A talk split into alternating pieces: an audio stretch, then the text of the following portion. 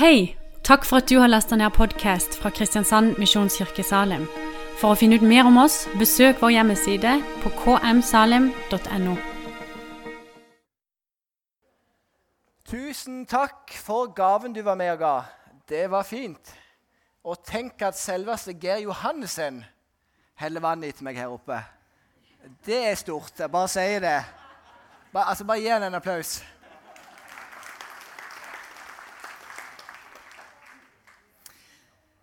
Så gøy å få lov til å komme her. Jeg tar det som en ære. Med tanke på hvor bra du er, Geir, så burde egentlig du vært her istedenfor meg. Så det er, det er en ære å få lov til å være her. Godt å være tilbake i Salem. Jeg er jo veldig glad i denne menigheten her, glad i denne kirka her. Og det er gøy å se at dere tar kallet til denne menigheten på alvor. For Salem er en litt annerledes menighet. Positivt. Som, ja, det er veldig positivt som er litt sånn ekstra opptatt av uh, Guds kraft, Guds nærvær. Det ekte, tydelige og gode evangeliet, og det er så fantastisk å få lov til å være her. Skal dere høre temaet jeg har fått av Geir? Altså, Geir sa dette er setningen. Jesus kaller oss til å utgjøre en glad og frimodig motkultur til den sekulære strømningen i samfunnet. Det er veldig bra, Geir. Og så tenkte jeg som jeg alltid tenkte, ja, hvordan kan jeg si dette på en enda enklere måte? Og med færre ord. Og da kom jeg fram til ett ord som står på veggen, som Geir prøver å si, og det er 'annerledes'. Ja! Så takk, Geir. Så takk. Ja, men ditt høres jo bedre ut. Mer akademisk, mer belest. Så jeg liker jo eh, jeg liker det. Så jeg skal prate litt om det å være annerledes. Og i kveld så skal jeg ta på enda mindre filter enn jeg pleier å ha på når jeg taler. Jeg skal være enda mer usminka. Jeg er alltid ekte, men jeg skal være enda mer utfordrende til både meg og til deg, fordi jeg tror at det er veldig viktig. Når jeg ser på mitt liv og på mitt kristne liv Jeg er veldig fornøyd med kona mi, veldig fornøyd med barna mine, jeg er fornøyd med jobben min. altså Jeg er stort sett fornøyd med alt. Men når jeg ser på min personlige relasjon med Jesus, så kjenner jeg at jeg er ikke fornøyd. Og det er ingenting med Jesus å gjøre, men det er bare med meg sjøl å gjøre, og måten som jeg lever livet mitt på. Jeg kan jo si at jeg er ikke fornøyd med hvordan kristenheten i Norge i dag er. Jeg er ikke det. Jeg er heller ikke fornøyd når jeg ser rundt på Kirke-Norge. Så jeg er ikke fornøyd. For jeg tenker at Det er så mye mer å oppleve, det er så mye mer land å innta. Det er så mange mer personer som må bli kjent med Jesus og hvem han er. Så jeg må bare si at jeg er ikke fornøyd. For det er så mye mer. Jeg opplever nesten som om at vi har 5 milliarder kroner i banken, og så lever vi bare på rentene. Og så er vi fornøyd med å leve på rentene hele livet. Så tenker jeg ja, men vi kan jo ta ut litt mer. 5 millioner her, 10 millioner der. 50 millioner til en ny kirke, til Justins misjonskirke. Vi kan ta ut litt sånn forskjellig, tenker jeg at vi kan gjøre. Men dessverre så er det for mange av oss som bare tar ut de små rentene som er der. Og så er vi nesten redde for å bruke det som er der. I går når jeg satt og leste Bibelen, så slo jeg opp i Salme 51. Mange av dere kjenner den salmen. og jeg bare kjente at Det var noen vers som jeg vil starte med her inne og for denne festivalen. Og Det er David da, som har skrevet Salme 51, og jeg skal lese vers 12-14. Og Der står det, og David sier det, at Gud skap i meg et rent hjerte Gi meg en ny og stødig ånd. Driv meg ikke bort fra ditt ansikt. Ta ikke fra meg din hellige ånd. Gi meg igjen gleden over din frelse. Hold meg oppe med en villig ånd. Så tenkte jeg da jeg leste det, jeg tenkte sånn, wow, Hvis jeg kunne bare på hånd og på hjertet sagt at jeg fikk bønnesvar på alt det som står der, så kunne jeg bare sagt at ja, jeg er skikkelig brennende for Jesus, og jeg har ikke mye å komme, komme, med. For det er jo det vi ønsker. Jeg ønsker å ha et, rek, et rent hjerte. Jeg ønsker å ha en stødig ånd. Jeg ønsker at Den hellige ånd skal lede meg hver eneste dag, sånn at jeg kan bety en forskjell for andre mennesker. Og jeg tror at du ønsker det samme i livet ditt òg. Jeg tror at når, du leser Bibelen, så har du lyst til å oppleve det samme som står i Bibelen. Jeg tror du har det. Jeg underviser Det gamle testamentet på Ansgar. Det gjorde jeg i fjor. Ansgar bibelskole, det, det gjør jeg i år òg. Og jeg tenker når jeg leser Det gamle testamentet, så er det bare sånn Wow, Gud! Alt det du kan gjøre. Vi er jo oftest i Det nye testamentet, og det er fantastisk. Men vi må ikke glemme alt det som Gud har gjort i Det gamle testamentet òg. Og det er store ting. Meg og Geir hadde en eh, fin eh, frokost her for uh, tre uker siden. Geir var koronasyk. Du, du, var på, du var det, men du var litt sliten. Det kan vi være enige om. Og Jeg hadde sjøl hatt korona ei uke før, det det var, men det var god stemning så alltid når vi møtes. Det er det ikke noe tvil om. Og Da prater vi og Geir litt sammen om, og, og vi kom fram til Nå kan jeg dra deg litt ned i dette som jeg holder på med, Geir. Og Vi var litt enige om at når vi leser litteratur som har gått i vekkelser, når vi leser om gamle vekkelser og leser om hvordan noen kristne levde på 1900-tallet, eller 1910, eller 1940 eller 1870, så kunne meg og Geir jeg tar deg med på dette, Geir, så kunne vi kjenne på det at vi nesten var litt flaue når vi så på vårt eget liv og hvordan vi lever i dag. Se på hvor trygt jeg har det, se på hvor godt jeg har det. Se på, på alt det fine jeg har rundt meg. Og jeg er kanskje ikke villig til å ofre så mye som jeg skulle ønske at jeg var villig til å ofre. Når jeg ser på livet mitt, så kjenner jeg noen ganger og ser at jeg opplevde jo mer i ungdommen når jeg var 16, enn jeg opplever nå når jeg er 33 år gammel. Noen som kan kjenne seg igjen i det? At du tenker tilbake på ja, det var sånn, det var så fint, det var så bra. Og så er jeg lei av å lengte tilbake. Jeg vil heller se framover og leve i nuet og se mot alt det som skal komme, og alt det som er her. Jeg leder flere mennesker til frelse i ungdommen enn jeg gjorde nå. Og Jeg satt hjemme i går jeg satt og tenkte Når var sist gang jeg ledet en person til Jesus ansikt til ansikt? Så, så jeg å se på de to siste årene, og jeg kan ikke lede en eneste person til Jesus ansikt til ansikt de to siste årene. Og jeg er pastor. Jeg er kristen leder i Norge. Og når jeg ikke leder personer til Jesus i mitt personlige liv, hvordan kan jeg forvente at folk som går i kirka mi, skal gjøre det? Når ikke jeg gjør det. Hvis ikke jeg inviterer folk i min kirke, nå gjør jeg heldigvis det, hvordan skal jeg forvente at ikke folk kan eh, i menigheten invitere sine venner? For det, starter med vi som er ledere, at vi tar tak i det livet som vi lever. Så elsker jeg å dele dette med andre folk. At jeg skulle ønske det var sånn Og sånn. Og så kommer jo den vanlige oppmuntringen at 'ikke vær så hard med deg sjøl'. Og det er fint. Og så, så kommer jo komma, kommer komma. For de fleste kristne har det sånn. Og jeg som type jeg slår meg ikke til ro med det. Jeg tenker at jeg skal ikke være sånn som alle andre kristne, da, hvis det er det som er greiene. At de fleste kristne skal ikke lede folk til Jesus. Ja, Da vil jeg ta et oppgjør imot det, og så vil jeg begynne å lede mennesker til Jesus. For jeg vil være annerledes. Jeg vil leve for noe større enn meg sjøl. Jeg vil utfordre det samfunnet som vi lever i i dag. Og jeg tror at den kraften som jeg er på min innside, og som du er på din innside, den er mye større enn alle kreftene som beveger seg rundt dere. Jeg kan bare si det, så lov å si et amen hvis du vil. Ja, fint. Takk for det. Når jeg var ungdom, så ledet jeg folk til Jesus på skolen, jeg ledet folk til Jesus på gata, jeg ledet folk til Jesus i kirka, jeg ledet folk til Jesus når jeg reiste rundt. Altså, Jeg var stein gal. Det jeg, altså bare få sagt, jeg var nok litt for gal på den tida der. og Det er godt at jeg roer meg litt, men jeg syns jeg roer meg litt for mye i forhold til hva jeg gjorde da. Men det var sånn at jeg, jeg må, måtte hele veien lede nye folk til tro på Jesus. Mottoet mitt var enkelt. Alt for Jesus. Alt for Hans rike. Alt for at, eh, at Hans rike skal vokse, og at mennesker skal finne ut hvor fantastisk han er. For jeg tenker at Måten jeg har møtt Jesus på, og måten han har forandret livet mitt på, det er for gale at ikke jeg skal få lov til å dele det med alle mennesker som jeg møter. Jeg mener på at jeg er det beste budskapet som fins i hele verden. Og jeg lever for noe som er mye større enn meg sjøl. Og jeg er såpass tydelig i min tro at jeg tenker at jeg ikke er rett. Det er veien til frelse. Det er veien til evig liv som går gjennom Jesus. Jeg skulle, ønske hele mitt hjerte at det var ti veier til Jesus. Jeg skulle ønske at den teologien som, sier, som kalles universalisme, som betyr at alle mennesker kommer, til Jesus til slutt uansett, jeg skulle ønske den var sann. Jeg, jeg håper at den er sann, men jeg tror ikke han er det når jeg leser Bibelen. For jeg tror at alle mennesker må, må bekjenne en tro på Jesus for å få lov til å komme til himmelen. Men jeg håper av hele mitt hjerte at alle mennesker kommer til himmelen. Det gjør jeg. Men måten jeg leser Bibelen på, så er det ikke sånn. Da er det den som tror og bekjenner, som får lov til å reise til himmelen den dag vi skal reise, reise da, og livet er slutt. Når jeg var 16 år gammel, så begynte jeg på idrettslinja på Bryne. Og Jarle Mong var her i stad. Jeg vet ikke om han er lærer der ennå, men han var vikarlærer i, hvert fall, Jarle Mong, du er ikke her nå, er du det? Det hadde vært gøy hvis han var her. Men det er greit. Jeg får ta det opp med han. Jeg skal ta det opp med Jarle, at han burde vært her.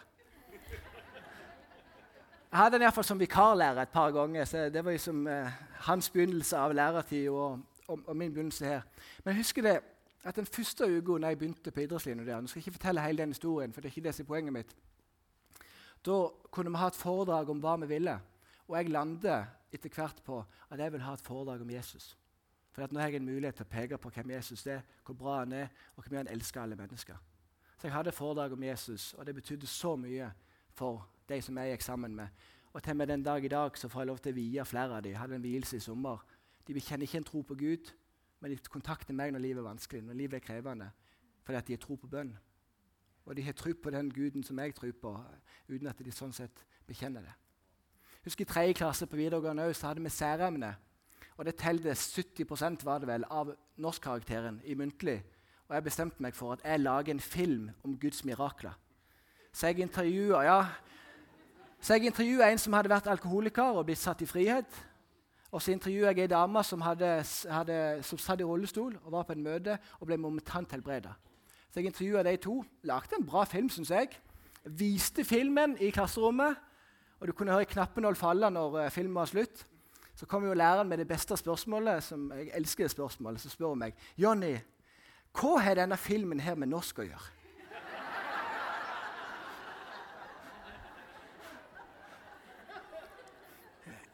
Og da, og da, kunne jeg bare svare det er et godt spørsmål, sa jeg. Prøvde å fiske meg inn. ja, men Du sa jeg kunne lage film om hva jeg ville. Det hadde hun aldri sagt. Men jeg, jeg ga på. Så var hun sånn, jeg vet ikke hva jeg skal gjøre med dette. Hva karakter skal jeg gi deg? Så måtte hun prate med de andre lærerne, og så fikk jeg stryk på særemnet. Som telte 70% av karakteren. Og klarte å jobbe meg opp til en toer i norsk muntlig. Hæ? Tenk det. Og her står jeg i dag. Så det, det går greit. Og så trenger ikke du å gjøre det samme som meg. det er ikke poenget her. Men den gutten som jeg var da Jeg elsker han. Jeg gjør det. Og så er jeg glad i han, i han mannen som er her nå. Nå er jeg pensjonist om 33,5 år. sant? Men, men han eh, Jeg begynte å telle ned, Geir. Jeg er halvveis i livet. Er 33,5 år jeg nå har studert det. Teller ned. Men jeg kjenner det noen ganger. At den der radikale, den spontane, den sånn gøyale, den som ikke var så redd for hva alle andre tenkte og syntes og mente Hvor er han? Sier jeg til meg sjøl noen ganger. For dette, det kan bli så trygt og vanlig. Og så holder jeg det litt tilbake. Og så stiller jeg spørsmål til meg sjøl når jeg forbereder meg. Hva har skjedd med meg? Og ikke vær redd. Jeg er glad i Jesus. Jeg er fortsatt brennende for Jesus. Jeg opplever ting. Det er ikke det det går i. Men jeg stilte meg spørsmålet hva har skjedd? Og vet dere det? At Det første jeg ser, er at jeg ber ikke så mye som jeg gjorde før. Jeg ba mye da jeg var ungdom. Jeg ba veldig mye. Men jeg ber ikke så mye i dag. Jeg faster ikke så mye som jeg gjorde før.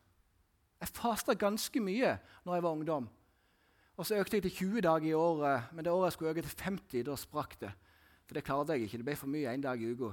Så eh, da kan jeg sikkert klare det igjen. det er ikke det altså. Men, men jeg fasta mer. Jeg var mer opptatt av å bruke tid med Jesus i bønn og med Jesus alene. Jeg hadde en forventning om, altså Hver dag når jeg var ungdom, hadde jeg en forventning om at ja, Gud, i dag kan du bruke meg til å bety en forskjell for andre mennesker. Det var en forventning om at Gud skulle bruke meg på den måten der.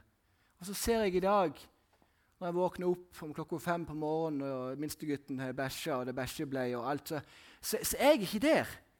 Gud, hvordan skal du bruke meg i dag? Jeg skal bytte bleie, og det er helt greit. Men, men jeg bare merker at hodet er en helt annen plass. Så det har skjedd noe der. Jeg ser altfor mye på TV òg, syns jeg. Jeg ser for mye tøys og tull på TV i forhold til det jeg gjorde da jeg var ungdom. For Da hadde vi ikke tid til å se på TV. Da skulle vi være ute og henge med folk og bruke tid på det. Men jeg ser det når jeg ransaker mitt eget liv. Når jeg var 16-17 og jeg skulle forberede en tale, så hadde jeg en regel at jeg skulle be like lenge som jeg brukte på å forberede talen. Så Hvis jeg brukte 3,5 timer på å forberede talen, så skulle jeg be i 3,5 timer. Og nå i dag så ser jeg at jeg bruker ti minutter på bønn og sju timer for eksempel, eller et eller annet, på å forberede talen. Og så har Martin Luther sagt at i dag har jeg det travelt, så jeg starter med å be i tre timer. Så det er ganske morsomt. I går når jeg forberedte denne talen, så starta jeg med ei bønnestund. og Jeg ba ganske lenge. 40-50 minutter, altså mye lenger enn jeg pleier å gjøre. Så bare merker jeg at jeg begynte å forberede dette. Ba, det var nesten som bare la, eh, lasta ned en tale som Geir hadde skrevet på forhånd, ned på maskinen min. Bare lære det. Ja, men det er helt sant. Det gikk så fort, det, det jeg skulle dele. Og jeg tenker noen ganger at søk først Guds rike, Guds rike hans rettferdighet, så får du det andre i tillegg. Og Det var sånn, sånn tydelig bekreftelse for min del. Så deler jeg dette når jeg prater med andre folk. Og så får jeg ofte det fine svaret, det er det rette svaret, det er det politisk rette svaret. Ja, men Jonny, du er blitt åndelig moden. Så tenker jeg med meg sjøl ja, hvis åndelig moden er lunken og har lite kraft og forventning, da vil jeg aldri bli åndelig moden, altså. Det er som noen av de uttrykkene som vi bare slenger ut. Og så tenker jeg, ja, men Er det noe substans i de ordene der, eller betyr de ordene noe? Nei, kanskje ikke så mye som vi tenker allikevel.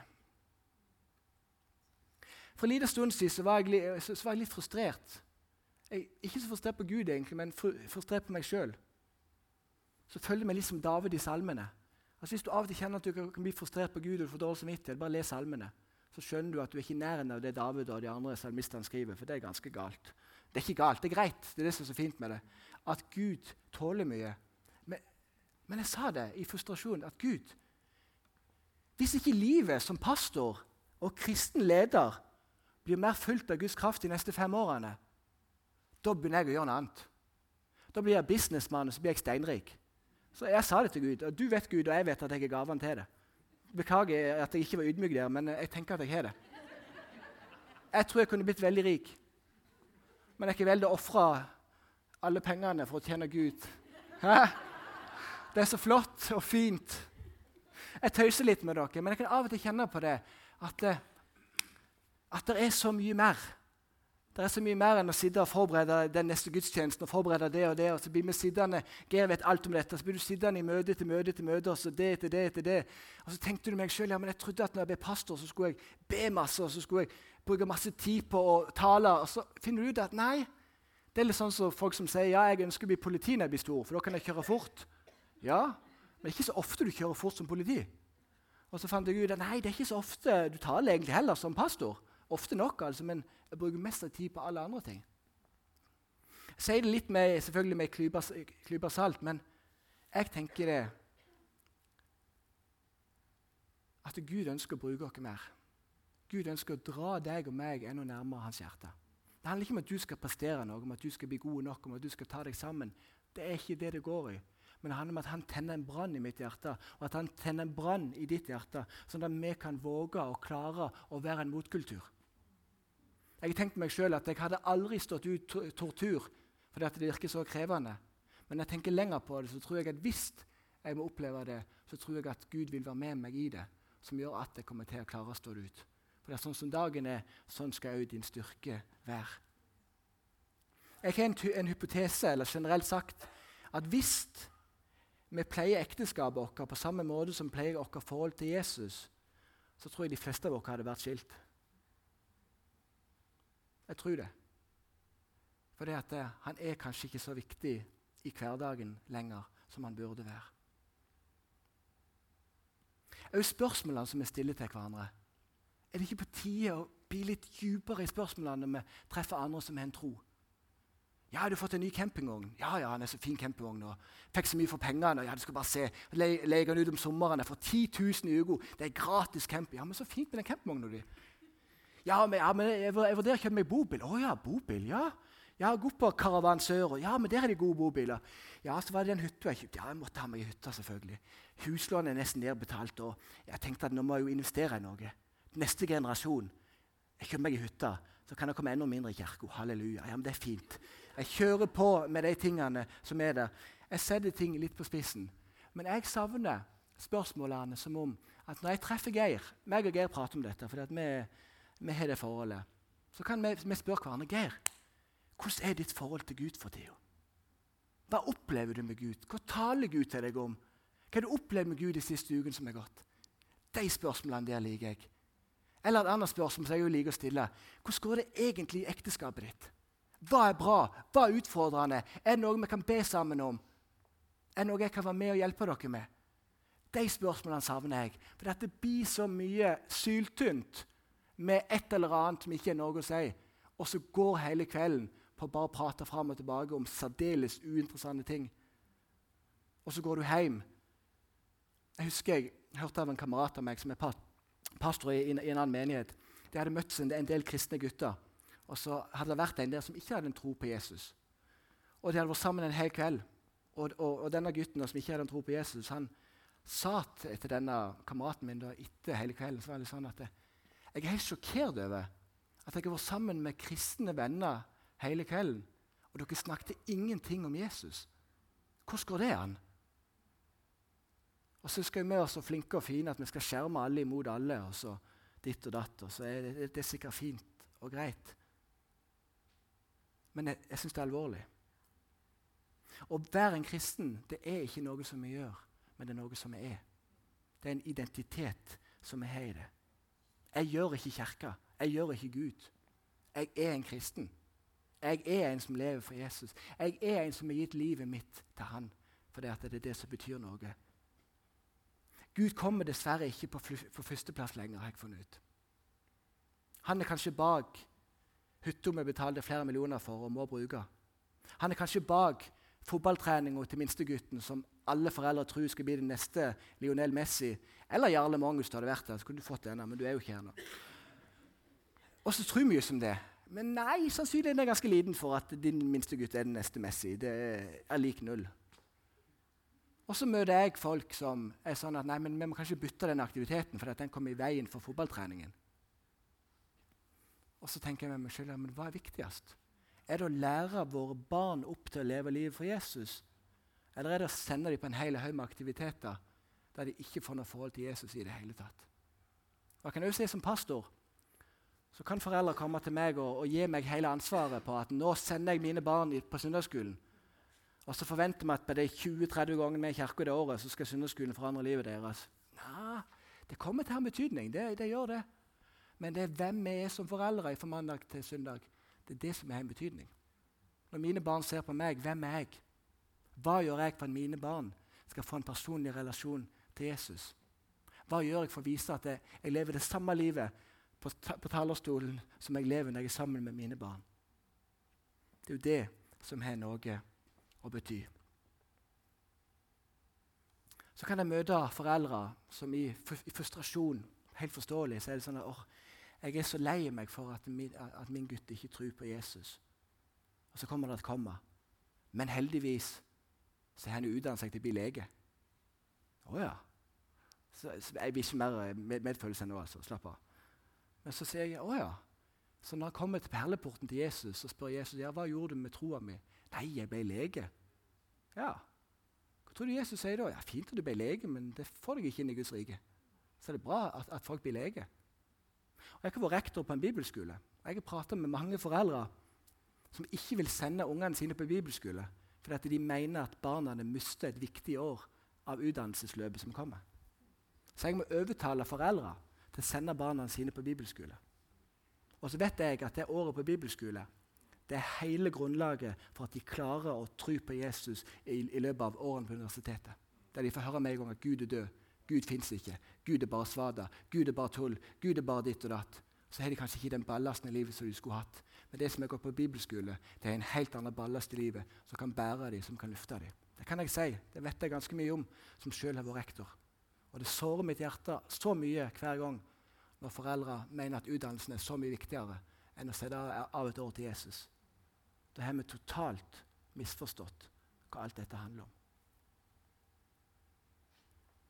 Jeg tror at det er noe nytt på gang. Jeg tror det. Jeg tror at Gud kommer til å berøre oss igjen. Jeg tror det. Kall over mitt liv, kall over ditt liv. Det kommer til å bli tydeligere og tydeligere for deg. Uansett hvilken alder du er i, så er du viktig. Om du er 20 eller om du er 70 eller 80, det er ingenting å si. Der du er, der er du et vitne. Der du er, der er du et forbilde.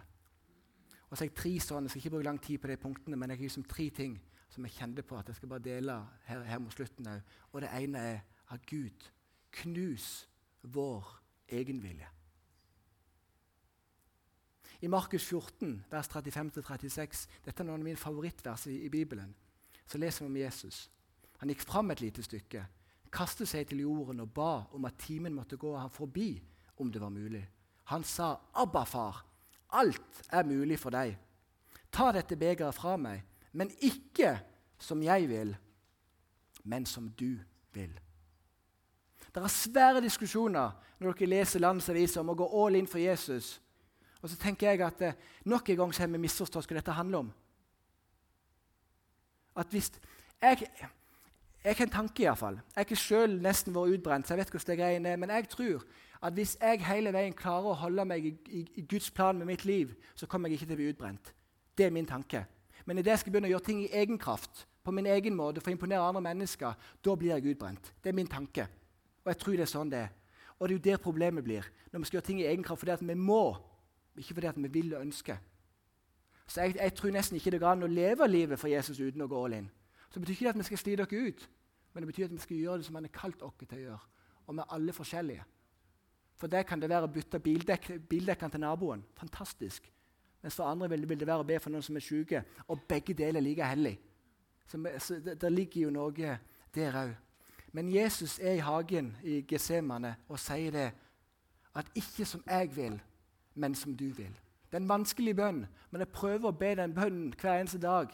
Men jeg sliter med det. er vanskelig, for innerst inne så vet jeg ikke om jeg vil det. Men jeg ber bønnen Jesus, la det bli sånn som du vil, og ikke sånn som jeg vil. Bruk livet mitt sånn som du ønsker, sånn som du vil. For det handler ikke om meg, men det handler om ditt rike. Jeg ber den bønnen, knus min egenvilje. La meg være en slave for deg. Ikke bare la meg være en tjener, men la meg være en som lever livet for deg. Og jeg vet det, at når jeg er 100% inn i Guds kall for livet mitt, så har jeg det aldri bedre enn da. Jeg er aldri mer lykkelig enn da. Jeg har det aldri bedre i mine omstendigheter enn jeg har akkurat da men jeg skal være så flink i meg selv og imponere andre mennesker. Det er da det skjer noe, og, jeg, og automatisk kommer litt ut av den planen som Gud hadde for meg. Og jeg tenker at Vi kan alle være i den fine sonen som Gud har for oss, men ikke som jeg vil, men som du vil, Gud. Jeg ber Gud om at la meg være villig til å ofre mitt rykte for deg. La meg være villig for det, for å stå på det som er Guds ord, for å stå på det som er sannhet, og for å stå på det som er rett. Gud, la meg ikke gå på kompromiss med integriteten min for å blidgjøre andre mennesker som er rundt meg, men la meg være en som elsker mennesker til himmelen.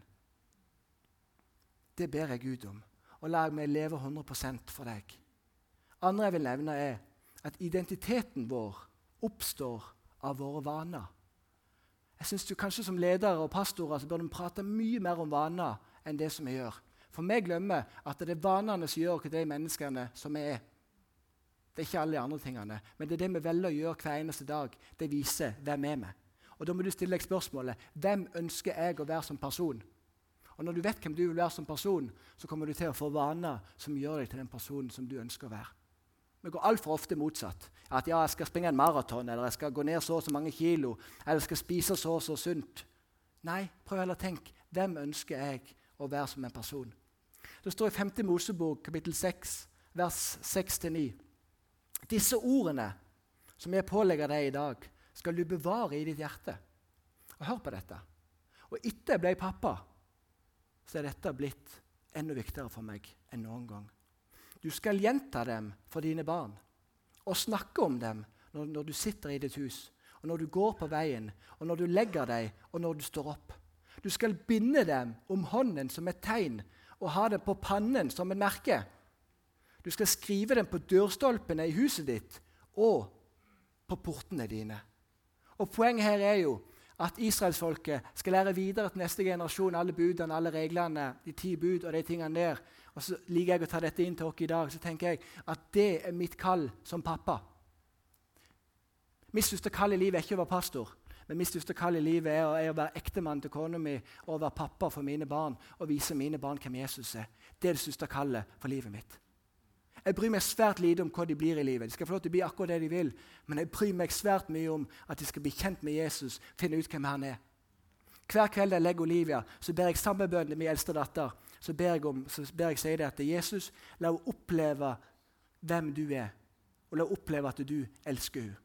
Og Hver kveld så ber vi sammen. og meg og Olivia har begynt, og nå holder jeg på å trene henne til å be.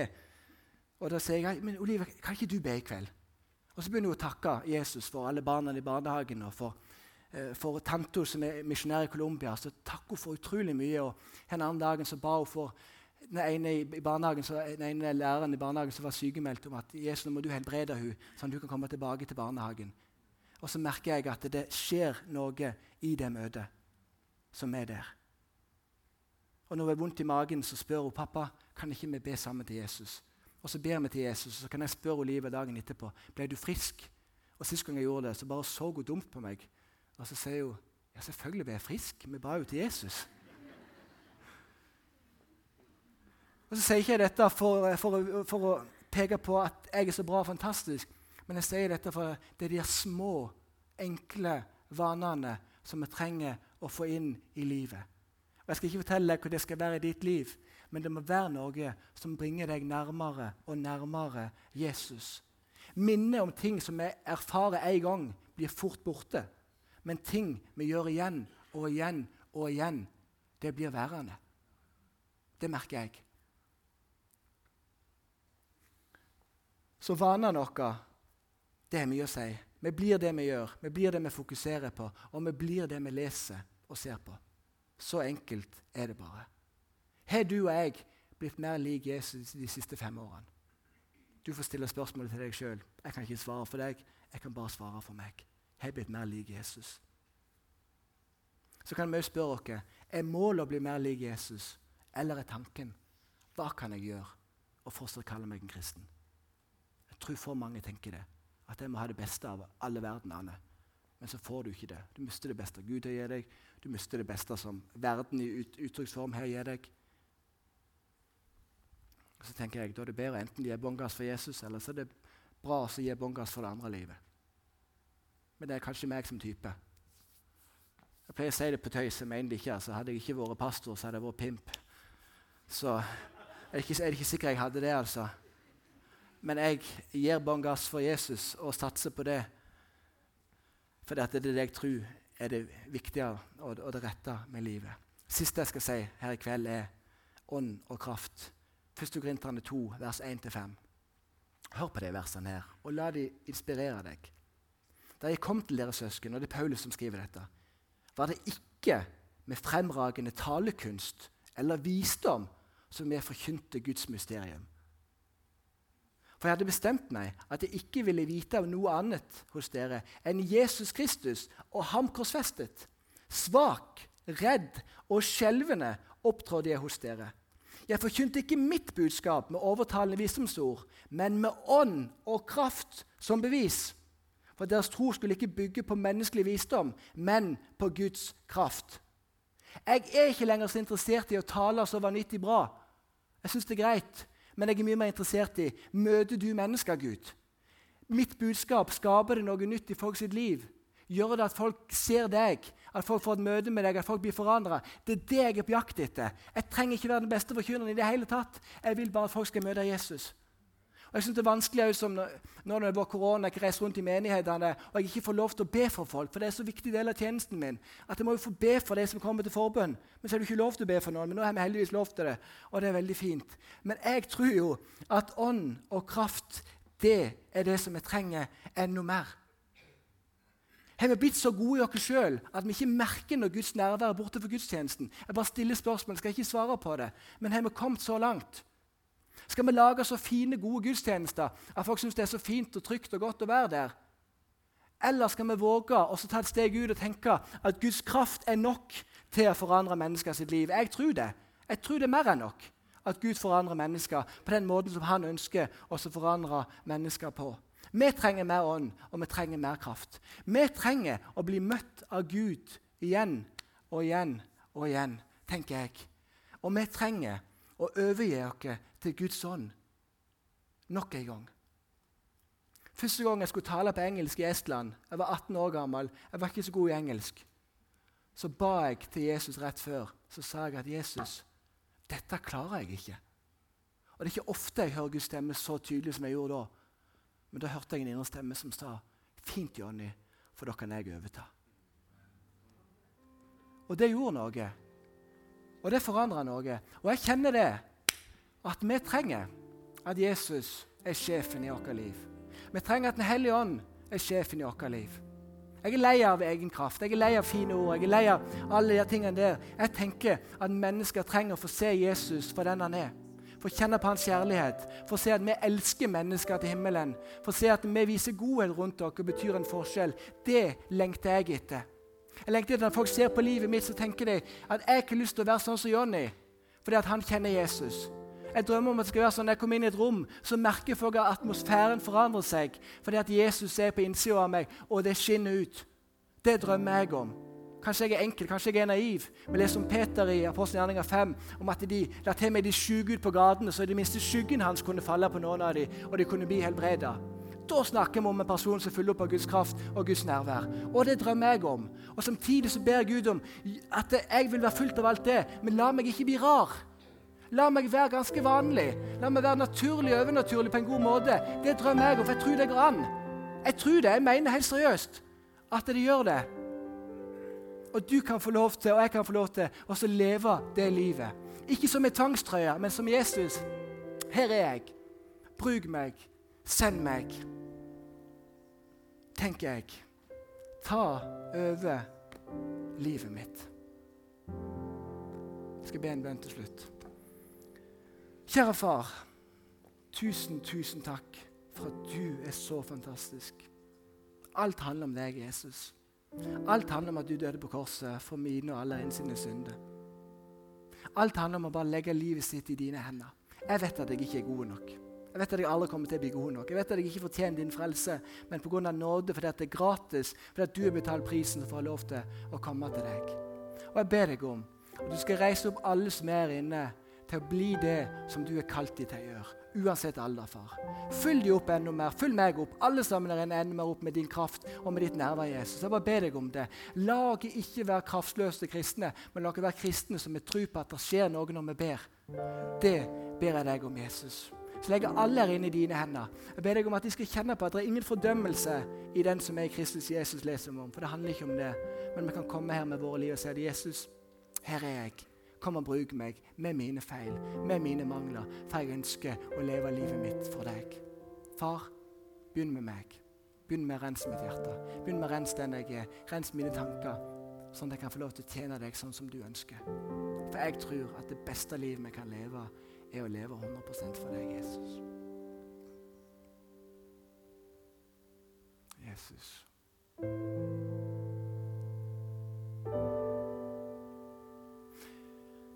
Kjenner det at det er mange mennesker her inne som lengter etter enda mer av Jesus. Nå har du en mulighet i kveld til du kan, du nå det der du sitter og bare si 'Jesus, her er jeg, kom og følg meg'. Men du har en mulighet til å komme bak i forbønnsrommet. Så har vi lyst til å be om at eh, Jesus skal møte deg. At han skal skape noe nytt i ditt hjerte og i ditt liv. Han lengter etter deg. Han står med åpne armer fordi han er så vanvittig stolt av deg og er så vanvittig glad i deg. Så utfordringen er gitt. Vil du at noen skal være med og be for deg? Så er det åpent til høyre for meg, til venstre for dere der bak. Så er det